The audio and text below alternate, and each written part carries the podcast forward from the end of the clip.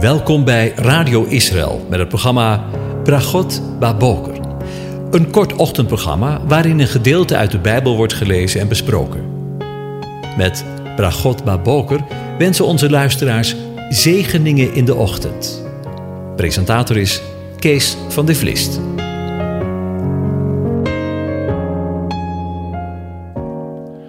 Goedemorgen, beste luisteraars.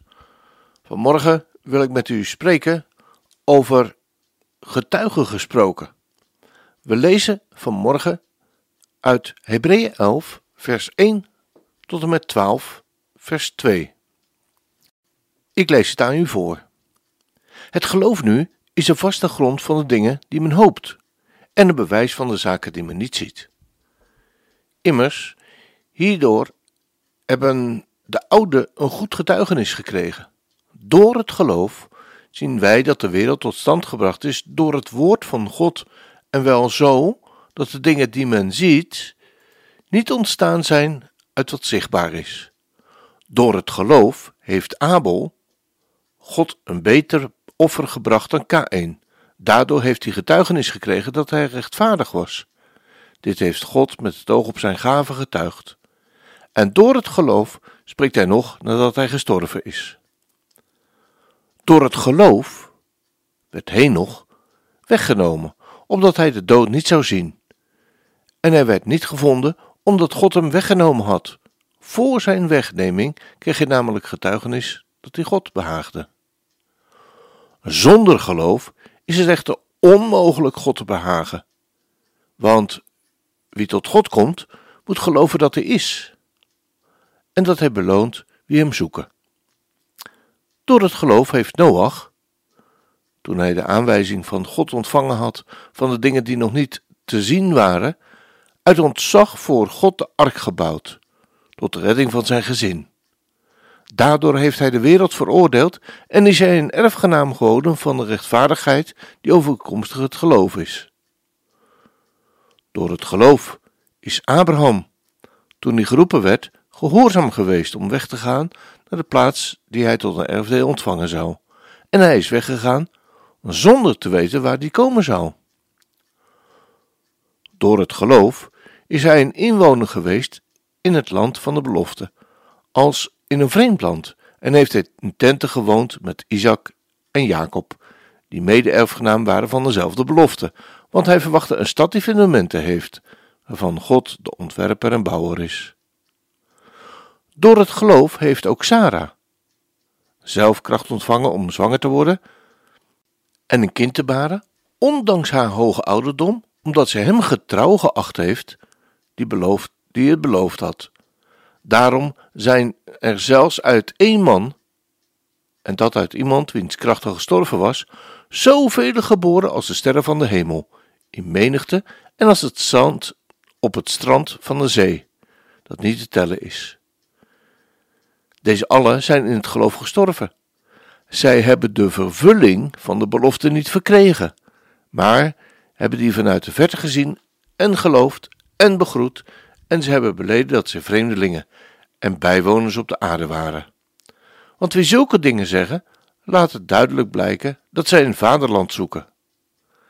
En als zij aan het vaderland gedacht hadden, van waaruit zij gegaan waren, zouden zij gelegenheid gehad hebben om terug te keren maar nu verlangen zij naar een beter, dat is naar een hemelsvaderland.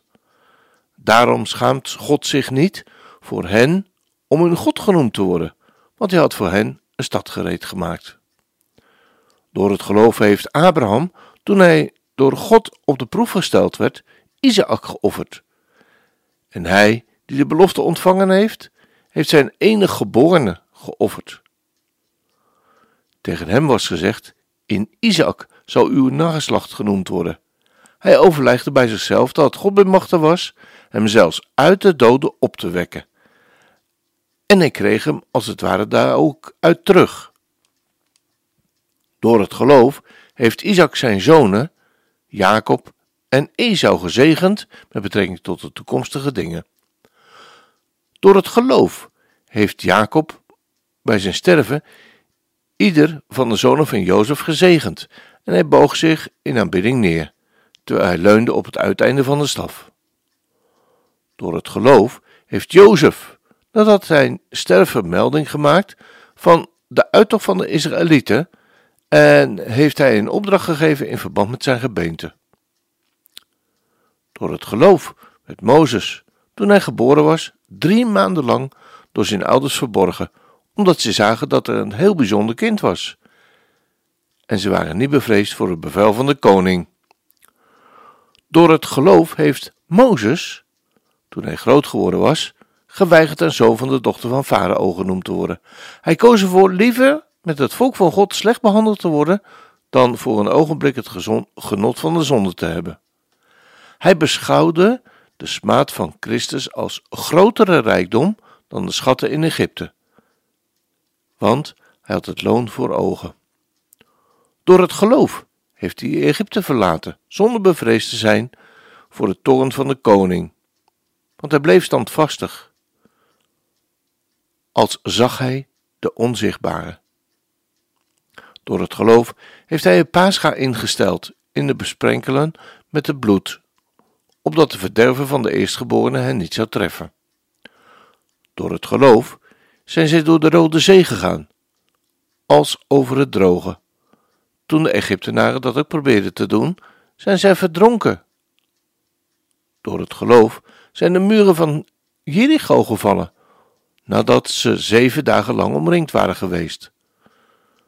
Door het geloof is Ragab, de hoer, niet omgekomen met de ongehoorzamen, omdat zij de verkenners met vrede had ontvangen. En wat zal ik nog meer zeggen? Want de tijd ontbreekt mij om, om te vertellen over Gideon, Barak, Simson, Jefta, David, Samuel en de profeten. En ze hebben door het geloof koninkrijken overwonnen gerechtigheid in de praktijk gebracht, beloften verkregen, muilen van leeuwen gesloten. Ze hebben de kracht van het vuur geblust. Ze zijn aan de scherpte van het zwaard ontkomen. Ze hebben in zwakheid kracht ontvangen. Ze zijn machtig geworden in de oorlog. Legers van vreemden, vreemden hebben zij op de vlucht gejaagd. Vrouwen hebben hun doden teruggekregen door opstanding uit de dood maar anderen zijn gefolterd en namen de aangeboden verlossing niet aan, omdat zij een betere opstanding verkrijgen zouden. En weer anderen hebben spot en geestelslagen verdragen, ja, zelfs boeien en gevangenis. Ze zijn gestenigd, in stukken gezaagd, in verzoeking gebracht, met het zwaard ter dood gebracht. Ze hebben rondgelopen in schapenvachten en geitenvellen, en zij leden gebrek werden verdrukt en mishandeld. De wereld was hen niet waard. Ze dwaalden rond in afgelegen plaatsen en verbleven op bergen, in grotten en in holen in de aarde. En deze allen hebben, hoewel zij door het geloof een goed getuigenis van God gekregen hebben, de vervulling van de belofte niet verkregen. Daar God met het oog op iets anders beters voorzien had, opdat zij zonder ons niet zouden de volmaaktheid zouden komen. Wel nu dan, laten wij ook wij, nu wij door zo'n menigte, letterlijk wolk van getuigen, omringd worden, afleggen alle last en de zonde die ons zo makkelijk verschrikt. En laten wij met volharding de wedloop lopen, die voor ons ligt terwijl wij het oog gericht houden op Jezus, de leidsman en voleinde van het geloof. Hij heeft om de vreugde, die hem in het vooruitzicht was gesteld, het kruis verdragen, de schande veracht en zit nu aan de rechterhand van de troon van God. Tot zover. Ja, ik weet niet wat er met u of jou gebeurt als je dit hoofdstuk leest maar mij spreekt het enorm aan. En het doet een beroep op mezelf om mij af te vragen of mijn naam mogelijk later, bij wijze van spreken, in dit rijtje genoemd zal worden. Er staan nogal wat namen in van mensen die we mogelijk niet genoemd zouden hebben. Wat denk je bijvoorbeeld van Rahab en Simson en ook David?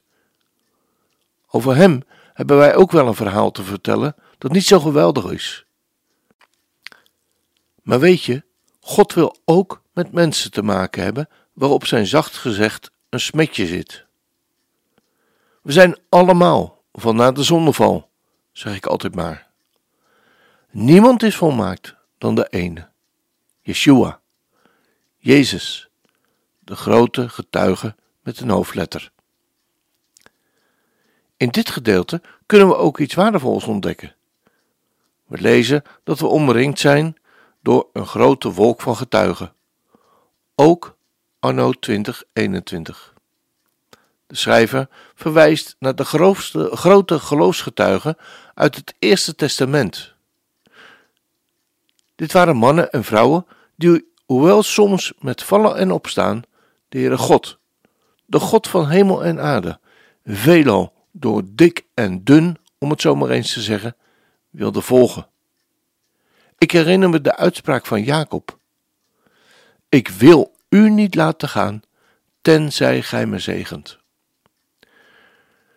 De schrijver zegt dus dat we een volk van dat soort getuigen om ons heen hebben.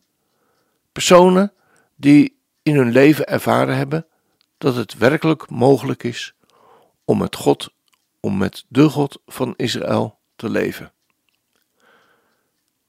Ten tweede zegt hij dat als we Hem, Yeshua, de Jezus willen volgen, we daarmee terecht zullen komen in een wedloop.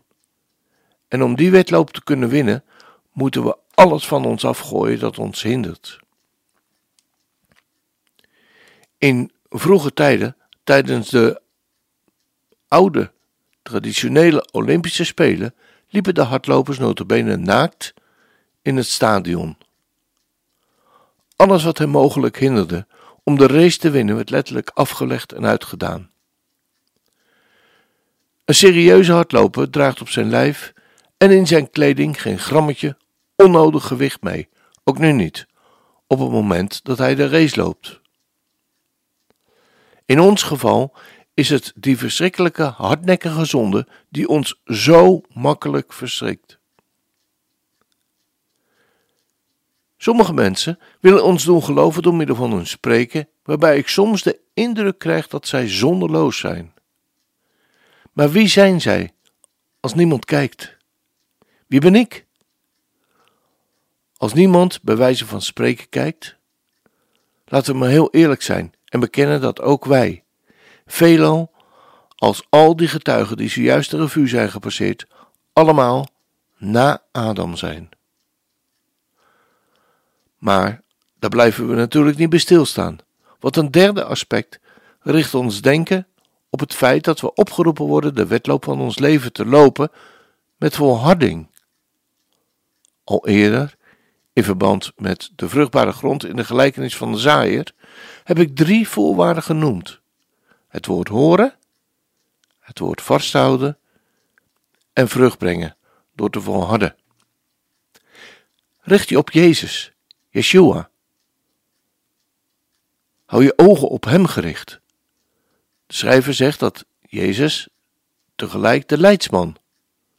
Dat is in het Engels de auteur, de schepper, de ontwerper, de aanlegger en de voleinder van ons geloof is.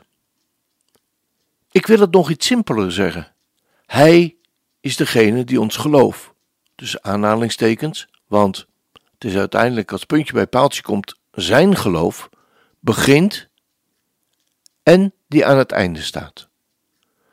Waarschijnlijk beseffen we allemaal best dat Jezus aan het begin staat van ons geloof. Maar soms vergeten we dat Hij ook degene is die het volmaakt afrondt. Als we willen dat ons geloof tot volheid, tot wasdom, tot vrucht komt, dan vereist dat een leven met Hem en een leven heel dicht bij Hem. Het is niet de bedoeling van uw, jouw en mijn leven om bij Jezus te beginnen en vervolgens maar onze eigen weg te gaan. God heeft ons, u, jou en mij op deze wereld gezet met maar één bedoeling: om ons leven te weerspiegelen wie Hij is. Als dat geen zegen is, zullen we bidden. Lieve Vader, net als het voorbeeld van de geloofshelden die ons zijn voorgegaan, willen we eigenlijk maar één ding: ons vandaag, morgen, alle dagen van ons leven, tot uw eer leven, ons toevertrouwen aan u. En we weten dat dit alleen maar kan wanneer we ons oog gericht houden op u en op u alleen. Schenk ons die genade, heren, de kracht en de volharding. Dat, met, uh, dat, we, dat we met volharding de wedloop lopen die voor ons ligt, terwijl wij het oog gericht houden op Jezus, Yeshua, de leidsman en de voleinde van het geloof. Om, die, die, om de vreugde die hem in het vooruitzicht was gesteld, het kruis verdragen en de schande veracht, en nu zit aan de rechterhand van de troon van God. Amen. Dan gaan we nu luisteren naar een lied van Aaron Schust, My Savior, My God.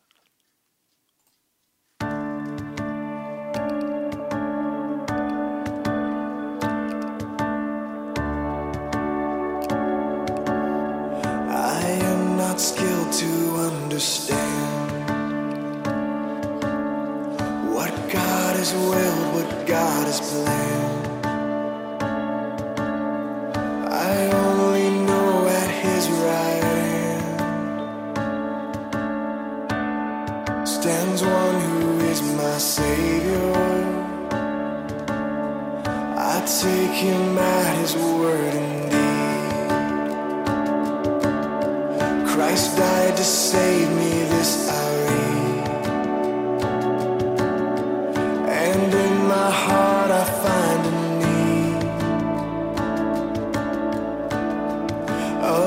To be my Savior.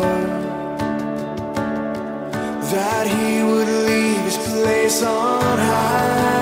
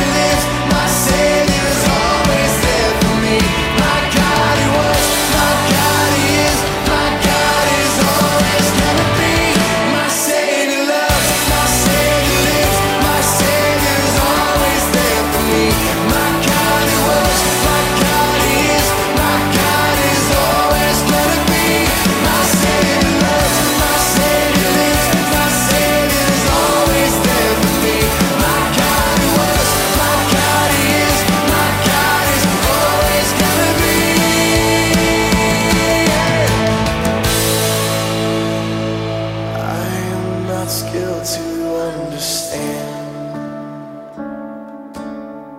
what God is will, what God is plan.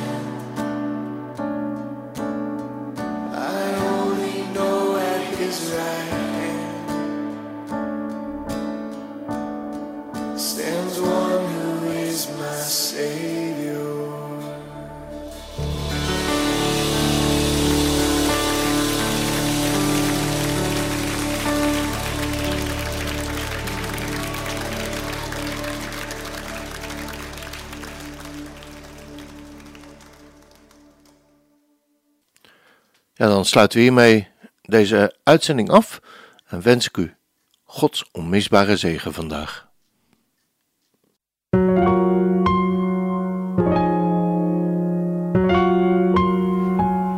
U hebt geluisterd naar het programma Bragot Baboker. Een kort ochtendprogramma waarin een gedeelte uit de Bijbel wordt gelezen en besproken. Wilt u het programma nog eens naluisteren, dan kan dat. Ga naar radioisrael.nl en klik onder het kopje radio op Uitzending gemist.